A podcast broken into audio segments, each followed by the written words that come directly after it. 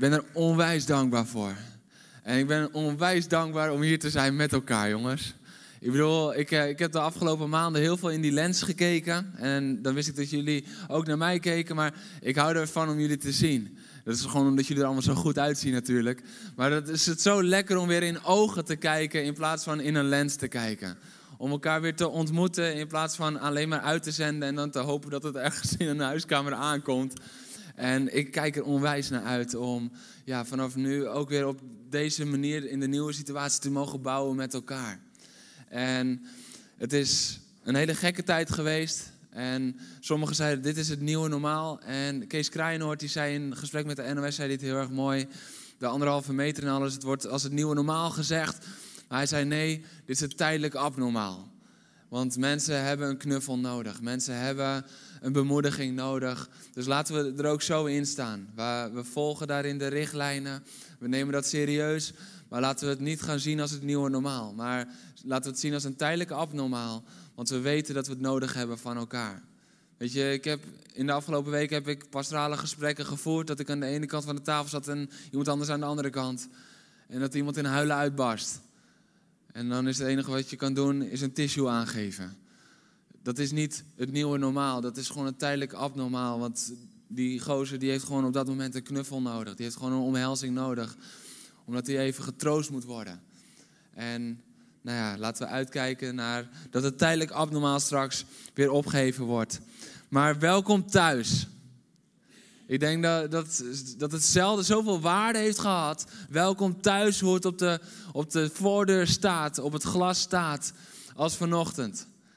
Ik uh, kwam de kerk binnen en José die zei tegen me... Ja, ik kan altijd aan de stand van jouw ogen zien in welke moed je bent. En je bent nu emotioneel. Ik zei, joh, meestal kan ik dat heel goed verbergen. Hoe kom je erbij? Maar, maar dat was wel wat er gebeurde, want ik kwam hier het terrein op fietsen en ik voelde het al prikken. Ik denk, regent het? Nee, jammer, ik kan het niet de schuld geven. En ik stond bij Welkom Thuis.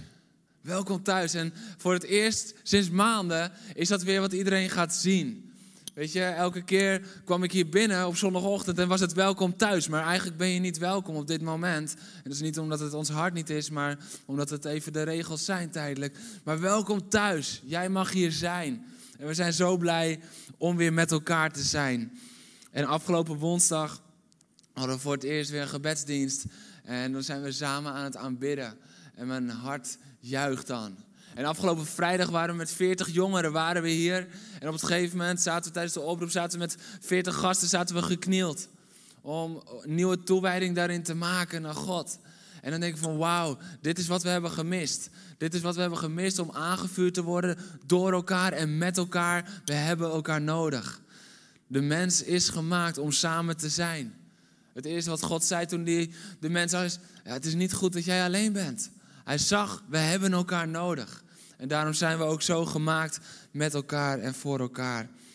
En de afgelopen maanden hebben we dat gemist. En ik moest eraan denken van, ergens hebben de afgelopen maanden me een beetje doen terugdenken aan mijn eerste Muscatlon.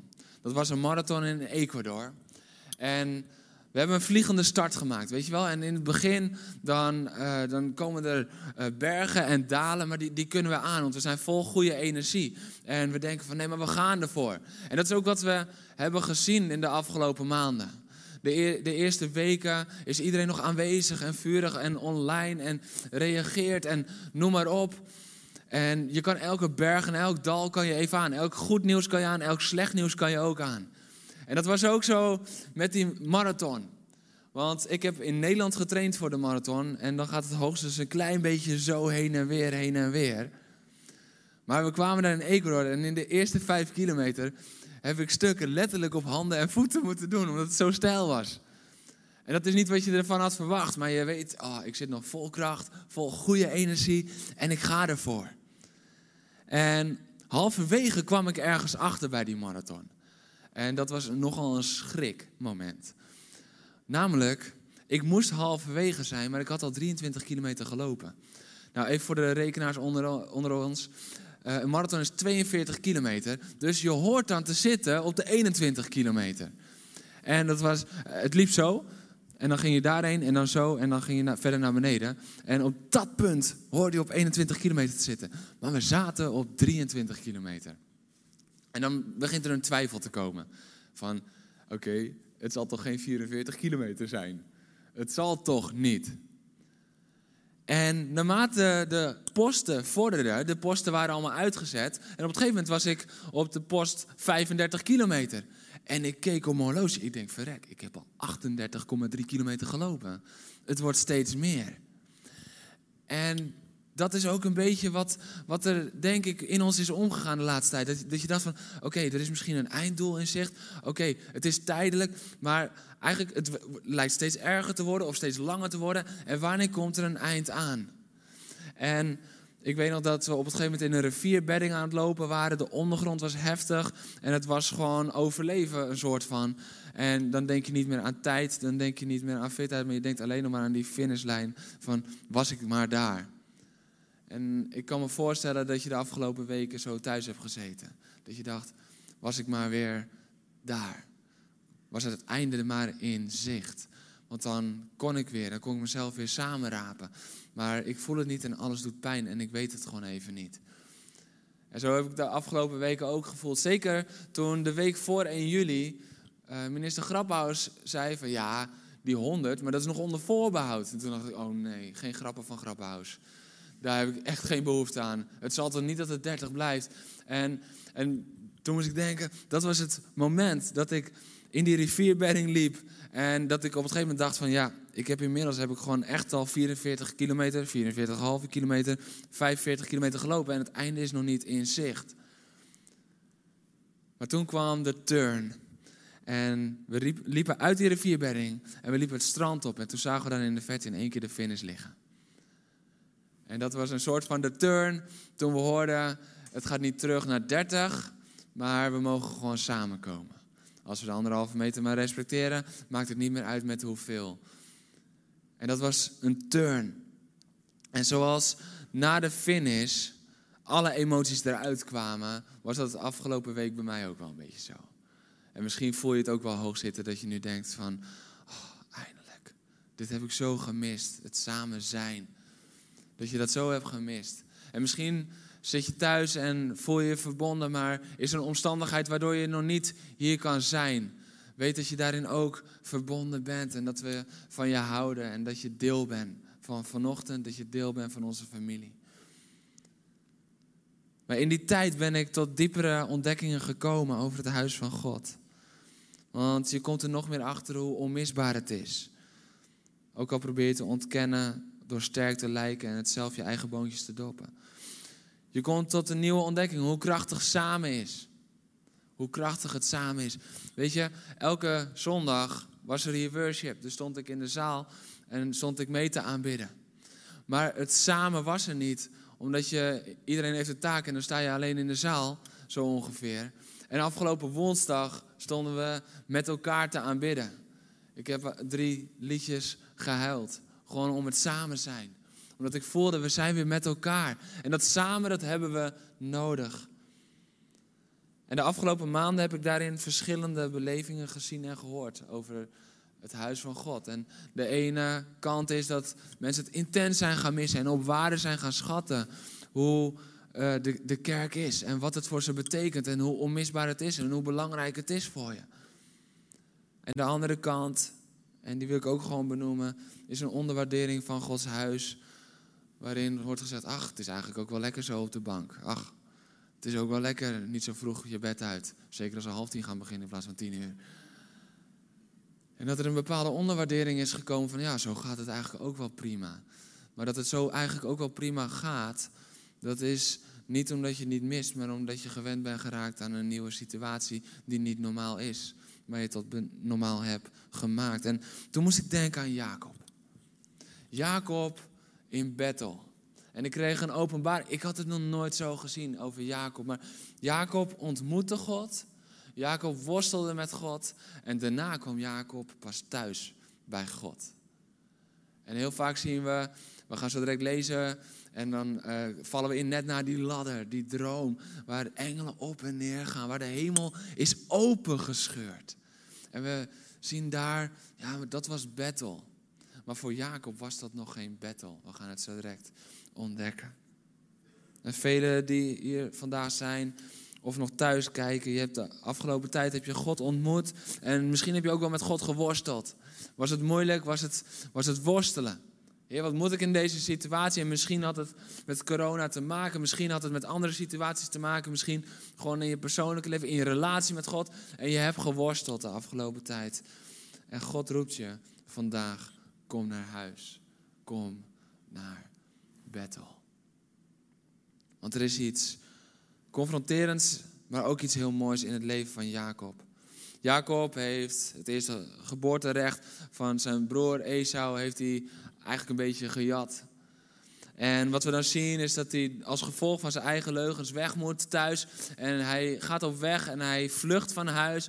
Weg bij zijn familie, weg bij zijn veiligheid, weg bij zijn vrienden, weg bij alles wat hem lief is. Alles wat vertrouwd is. En hij moet het onbekende moet hij ingaan. En dan op het gegeven moment ligt hij ergens en gaat hij slapen. Hij legt zijn hoofd op een steen. En daar komt God. Al het onbekende is weg. Is, eh, al het bekende is weg, is achter hem. En hij ligt daar in het onbekende. Maar dan komt die bekende God. Alhoewel, misschien is die voor hem nog niet zo bekend. Want het is nog steeds de God van zijn vader. En niet zijn God. Maar die God scheurt de hemel open. Moet je nagaan, hé. Lig je te slapen, scheurt de hemel open. En een ladder komt tevoorschijn. En engelen gaan op en neer. Op en neer. En je ziet gewoon de verbinding tussen hemel en aarde. Je ziet gewoon dat God niet alleen vanuit de hemel kijkt naar de aarde, maar zichzelf verbindt met de aarde. Dat de engelen op en neer gaan, op en neer gaan. En dan komt er ook nog eens de belofte van God. Die zegt, ik sta aan je zijde. Ik zal je beschermen. Ik zal je terugbrengen in dit land. Ik zal je nooit alleen laten en ik zal doen wat ik beloof. Genesis 28, vers 15 en 16. Ik zal doen wat ik beloof. Ik zal je nooit, nooit, nooit alleen laten. Ik ben bij je, mijn kind. En dan pakken we het verhaal op in Genesis 28, vers 16. Daar gaan we lezen. Ik wil je vragen om te gaan staan voor het woord van God. Als je in je woonkamer zit mee te kijken, kijk, sta vooral op voor Gods woord. Want na die belofte van God komt daar Jacobs volgende handelen. Toen werd Jacob wakker. Dit is zeker, zegt hij.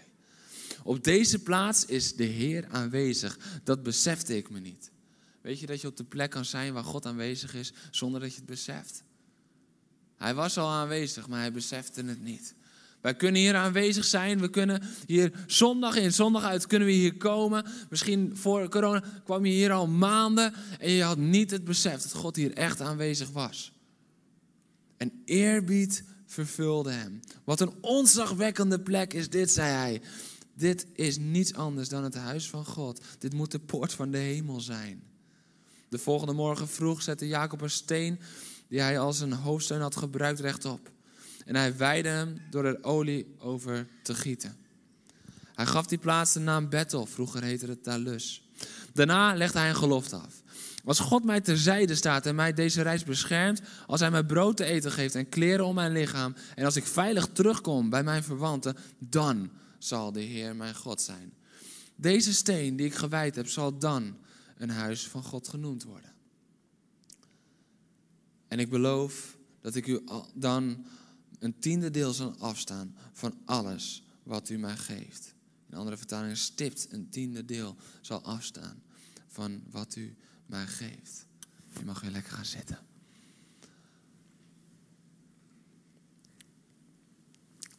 De hemel is opengescheurd en hij wordt wakker. De hemel is opengescheurd en Jacob komt tot een besef. Dit, hier is God aanwezig. Dit is een plaats waar God aan Dit moet wel een huis van God zijn. Dit moet wel de poort van de hemel zijn. Want hier is verbinding tussen hemel en tussen aarde. Dit is Bethel. Dit is de kerk. Een plek waar hemel en aarde samenkomen. Waar verbinding is tussen hemel en aarde. En hij noemt de plaats Bethel, huis van God. En hij legt een gelofte af. Als God mij, dan is de Heer mijn God. Dus moet je nagaan dat je een, een, een ontmoeting hebt met God. Dat je een open hemel hebt. Dat, er een, dat je engelen hebt gezien. En dat dan God zelf nog eens tegen je spreekt. Dat God zelf er nog eens beloftes geeft. En wat doet hij? Heer, als u, dan zal ik. Jacob vertrouwt nog steeds niet op deze God. Jacob heeft God nog steeds niet toegeëigend als zijn God. Nee, want dan zal de Heer mijn God zijn. Dus even anders vertaald. Ik pak uw belofte en als u dat waarmaakt, dan bent u mijn God. En ik werd erdoor geraakt, want hoe vaak is het in ons eigen leven niet zo? Heer, als u, dan zal ik. Heer, als u, dan geef ik mijn leven aan u. Heer, als u dat, dan zal ik de rest van mijn leven al mijn tijd geven. Heer, als u, dan ben ik wel bereid. En dat is wat Jacob ook doet. En hij zal zich er later van moeten bekeren, want hij heeft een ontmoeting met God, maar hij kent hem nog niet. Wat doen we na de ontmoeting? Is hij onze God? Is de plaats een huis van God voor ons of niet?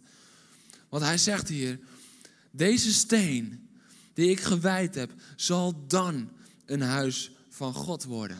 Dit was mij nog nooit opgevallen. Maar hier is Bethel nog geen Bethel voor Jacob. Hier is hij in het huis van God, maar voor hem is dit nog geen huis van God. Hier is Bethel nog helemaal geen Bethel. Ja, hij geeft een naam. Maar Heer, als u dat, dan zal de steen die ik gewijd heb, dan zal het een huis van God worden. Ik heb altijd gedacht, vanaf dat moment was Bethel huis van God.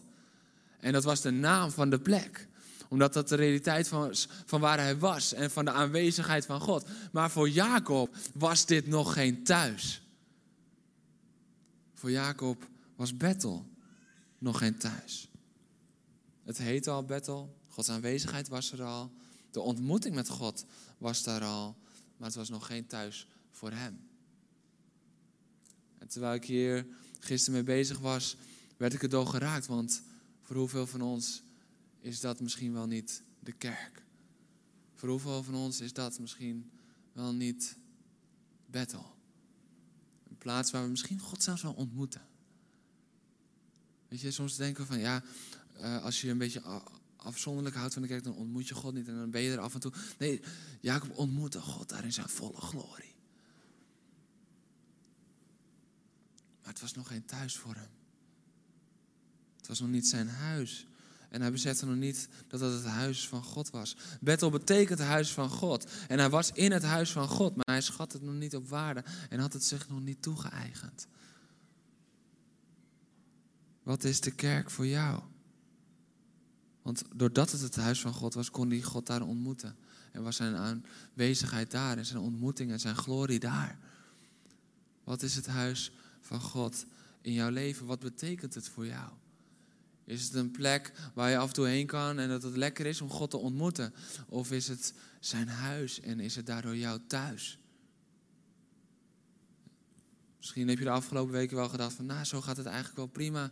Lekker makkelijk. Kinderen hoeven niet aangekleed. Lopen nog lekker in de ondergoed rondjes te rennen om me heen. En ik vind dit wel chill. Ja. En het is misschien ook wel heel chill. Maar laten we op waarde schatten wat het huis van God is. Bethel, kom thuis. Want zijn huis is een thuis voor jou en voor mij.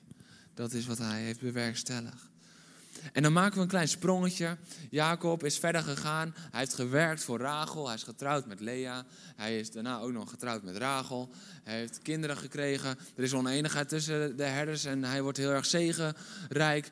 En uh, wat er dan gebeurt, is dat hij weggaat bij zijn oom Laban met zijn hele familie, met zijn, met zijn slaven, met, met alles.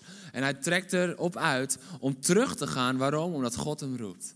Hij doet het niet helemaal op de manier zoals God het zou doen, maar hij, hij volgt in ieder geval de roep van God. Want God heeft hem beloofd. God heeft hem beloofd, ik zal je terugbrengen bij je verwanten. Ik zal je terugbrengen in het land waar je geboren en getogen bent. Ik zal je terugbrengen. Ik zal je veilig terugbrengen.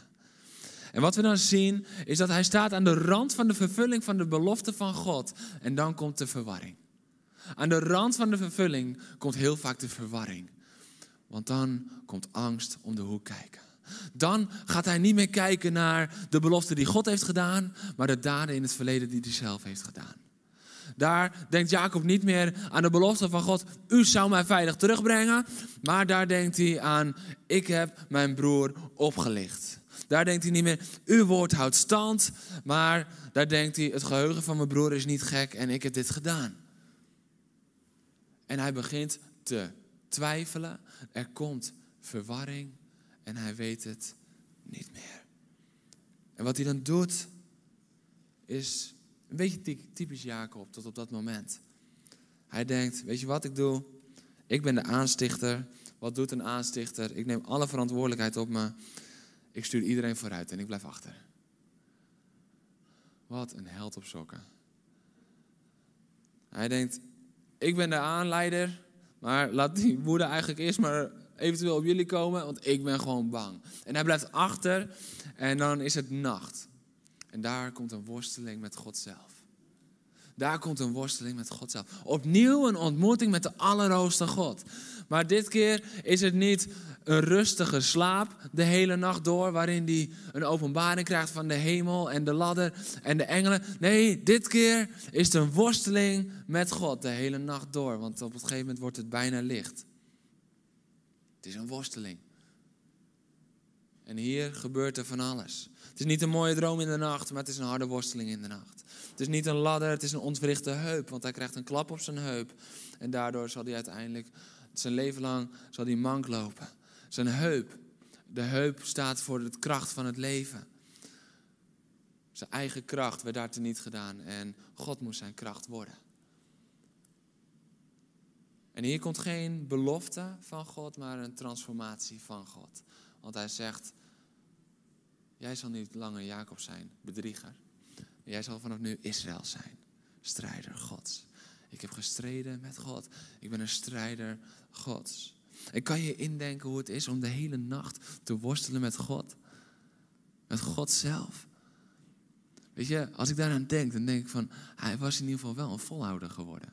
Kijk, hij, hij hield al vast. Hè? Dit, dit is heel mooi, te uitgebreid om helemaal op in te gaan. Maar hij hield bij de geboorte, hield hij natuurlijk Ezo al vast aan zijn enkel. En hier staat het hij nog, dat hij weer, dat hij God niet losliet, dat hij de man niet losliet. En dat hij zei, ik laat u niet gaan tenzij u mij zegent. Ik heb uw zegen nodig. En hij, hij bijt zich erin vast en hij houdt vol. En dan wordt hij geslagen op zijn heup en hij wordt gezegend.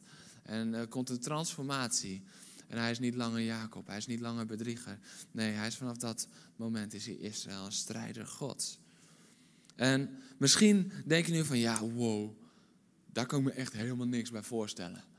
Gewoon dat je de hele nacht met God aan het worstelen bent.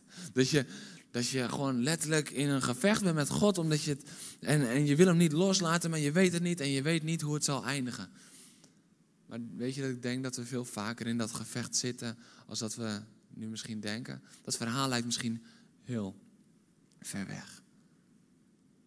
Maar hoe vaak heb jij niet slapeloze nachten?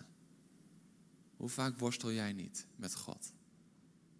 Hoe vaak zit jij niet in een worsteling? Heer, ik dacht dat u zei, maar nu gaat alles zo en ik snap het niet. En je zit gewoon in een worsteling met God. En de vraag is, laat je los, laat je gaan of zeg je, maar ik hou vast totdat u mij zegent. Ik hou vast tot de transformatie komt. Misschien niet gelijk in mijn situatie, maar wel in wie ik ben, zodat ik de situatie weer aan kan. De situatie van Jacob was nergens veranderd. Maar Jacob was veranderd. Jacob was Israël geworden. En wat we dan zien is na die transformatie, dan denkt hij niet van oké, ik blijf achteraan lopen. Nee, hij zegt ik ga voorop. En dan zien we een andere Jacob. We zien daar Israël. We zien daar een strijder die zegt hé, hey, ik ga vooruit. En hij zegt blijf jullie maar hier. Ik ga mijn broer tegemoet. Ik ga mijn oude dingen tegemoet. Ik ga mijn angst tegemoet. Want ik heb geworsteld met God. En ik ben daar getransformeerd en ik ben niet langer een bedrieger, ik ben een strijder Gods. De worsteling. En hoe vaak worstelen wij niet? Hoe vaak worstelen wij niet? En misschien worstel jij ook wel met dat je iedere keer geconfronteerd wordt met de angst door de dingen die je hebt gedaan in je verleden. De Esau in jouw leven. Iedereen heeft een Esau. Jij hebt een Esau in jouw leven. En Esau is niet jouw probleem. Maar jouw angst om Esau onder ogen te komen is het probleem. Maar jij hebt een Esau. Jij hebt dingen gedaan in je leven waarvan je nu denkt: chips, had ik niet moeten doen. En dat is een understatement. Jij hebt dingen in je leven waar je nu bang voor bent om de gevolgen onder ogen te zien. Maar wat doe je met Esau? Ga je weg? Laat je anderen vooruit gaan? Ga je de worsteling met God uit de weg of hou je vast? En Jacob is een ander persoon. En na die worsteling ging hij voorop, maar er is wel iets interessants. Daar vergeet hij om terug te gaan naar Bethel. Hij vergeet om terug te gaan naar Bethel. Dat is wat hij had gezegd. En ik zal naar deze plaats gaan en dit zal huis van God zijn. Ik zal naar deze steen gaan en dit zal huis van God zijn. Maar na de worsteling, na de overwinning die hij heeft behaald als het ware, nadat hij weer veilig thuis is, vergeet hij zijn belofte. Maar er moet nog een vergeten belofte vervuld worden.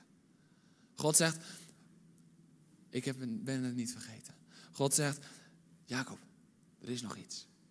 Hé, hey, we moeten nog een belofte inlassen. En dan lezen we Genesis 35. En daar staat dan in vers 1, God zei tegen Jacob, ga naar Bethel. Kom naar huis. Dit is wat God roept tot hem. Lieve Jacob, kom naar huis. Kom naar Bethel, mijn huis, jouw thuis.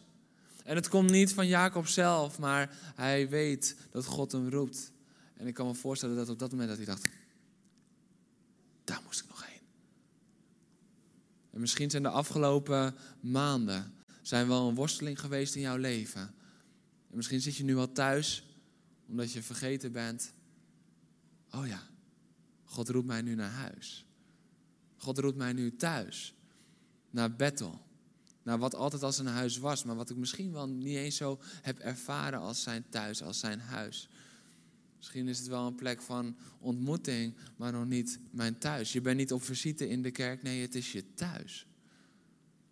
Ontmoeten kan je ook als je op visite bent. Maar Bethel moet je thuis worden. En de roep van God komt daar. Kind, kom naar huis vind dat zo mooi in dat nummer Feest van Genade. Kom naar huis, kom naar huis, kom naar huis. Want ik wil je thuis ontmoeten.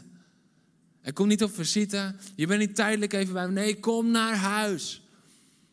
Want het is een feest van genade. En dan kom ik niet van, hé, hey, daar en daar en daar en daar en daar. Daar gaan we het nog even over hebben. Maar dan kom ik en dan zeg ik, ja, kom hier mijn kind. Ik omarm je, dit is mijn thuis. En wat we dan zien in uh, nog steeds Genesis 35 is dat, dat hij zegt van oké, we gaan. En dan zegt hij tegen zijn huisgenoten, doe de vreemde goden die jullie allemaal hebben, doe ze weg, reinig je en trek schone kleren aan. En daarin zie je dat ondanks die worsteling, ondanks de nieuwe situatie, dat hij nog steeds zijn vertrouwen ook in andere dingen stelt. En dat hij dat toelaat in zijn eigen huis, in zijn eigen huishouden. Dat er vertrouwen is in zaken die niet God zijn. En dat belemmert je om naar huis te gaan. Dat belemmert je om echt thuis te komen. Elke afgod in jouw leven, en dat is misschien niet een beeldje, want dat ligt er zo dik bovenop. We snappen allemaal dat zo'n Boeddha-beeldje, dat dat een afgod is. Dat snappen we allemaal. Maar als jij thuis komt, denk je door de yoga of door met bepaalde vrienden of door bepaalde uh, geldzucht of noem maar op. Je kan zoveel dingen hebben waar je afhankelijk van stelt, waar je vertrouwen in zet. Dat het gewoon een afgod is in je leven. En het staat je in de weg om echt thuis te komen. Misschien is jouw vertrouwen wel gesteld in de richtlijnen van het RIVM de laatste tijd. Terwijl het goed is om die richtlijnen te volgen, maar je vertrouwen moet je in God stellen. Wat is jouw vertrouwen? En wat hij dan doet, is hij verzamelt ze allemaal. En hij begraaft al die afgoden. En dat vind ik zo mooi. Hij begraaft ze. Hij zegt, voor mij zijn ze dood. Een radicale keuze. Voor mij betekenen ze niks meer. Voor mij zijn die afgoden dood. Want ik ga nu naar huis. En dan staat er in vers 15, ik maak even een sprongetje. In vers 15. Vers 14, uh, staat daar op die plaats, zette Jacob de steen rechtop en hij wijde het door het wijnoffer te brengen en de olie erover uit te gieten. Dat wijnoffer waar ik het net over had met het avondmaal. En de olie. Het bloed van de Heer Jezus en de salving van de Heilige Geest. Waar, de, waar het bloed van de Heer Jezus en de aanwezigheid van de Heilige Geest samenkomen, daar is het huis van God. Daar is Bethel. En hij noemde die plaats waar God met hem had gesproken, Bethel. En dit keer zijn er geen mitsen en maren meer.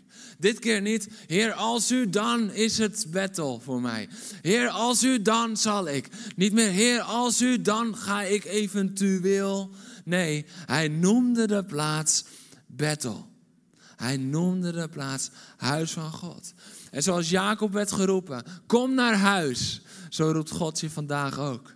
En dan niet kom voor een ontmoeting met mij, nee, maar kom naar huis. Ik verlang naar jou, mijn kind. Dit is thuis. Je bent niet op bezoek, je krijgt niet een ontmoeting. Welkom thuis. Kom naar huis. Dit is een veilig thuis. Vraag of de worship alvast naar voren komt.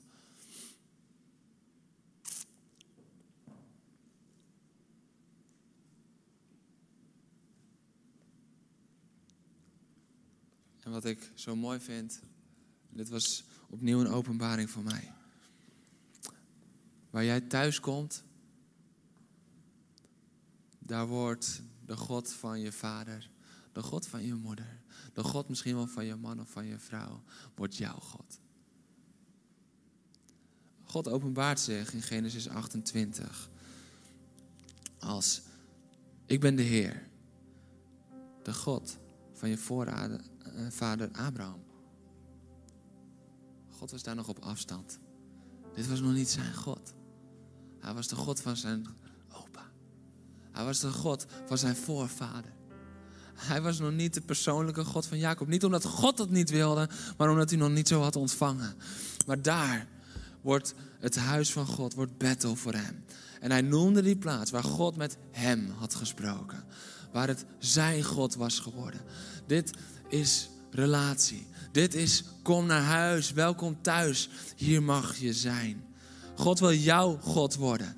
God wil niet de God zijn van je vader of je moeder of je vrouw of je broer of je zus of je man of noem maar op. Misschien wel de God van je kinderen. Omdat je kinderen zo vurig zijn voor de Heer Jezus en je denkt van, man, ik zou zo graag willen dat ik dat ook had. Kom naar huis. Je bent welkom thuis. Dit is onze God.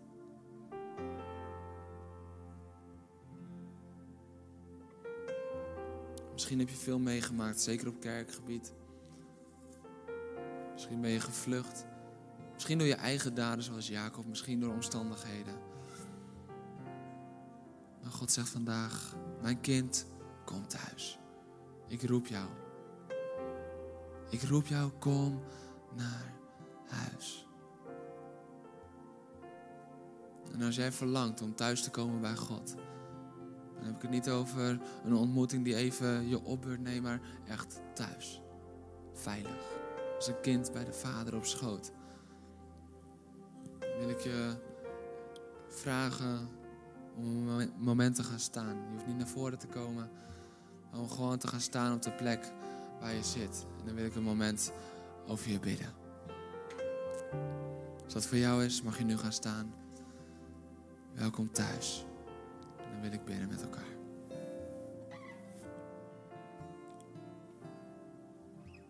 Lieve papa in de hemel, u roept ons naar huis. Heer, misschien zitten we hier, misschien staan we hier nu, misschien staan we nu wel in onze woonkamer of zitten we daar nog. En durven we bijna niet te gaan staan, omdat we misschien wel bang zijn wat onze man of vrouw daarvan vindt. Of onze papa of onze mama.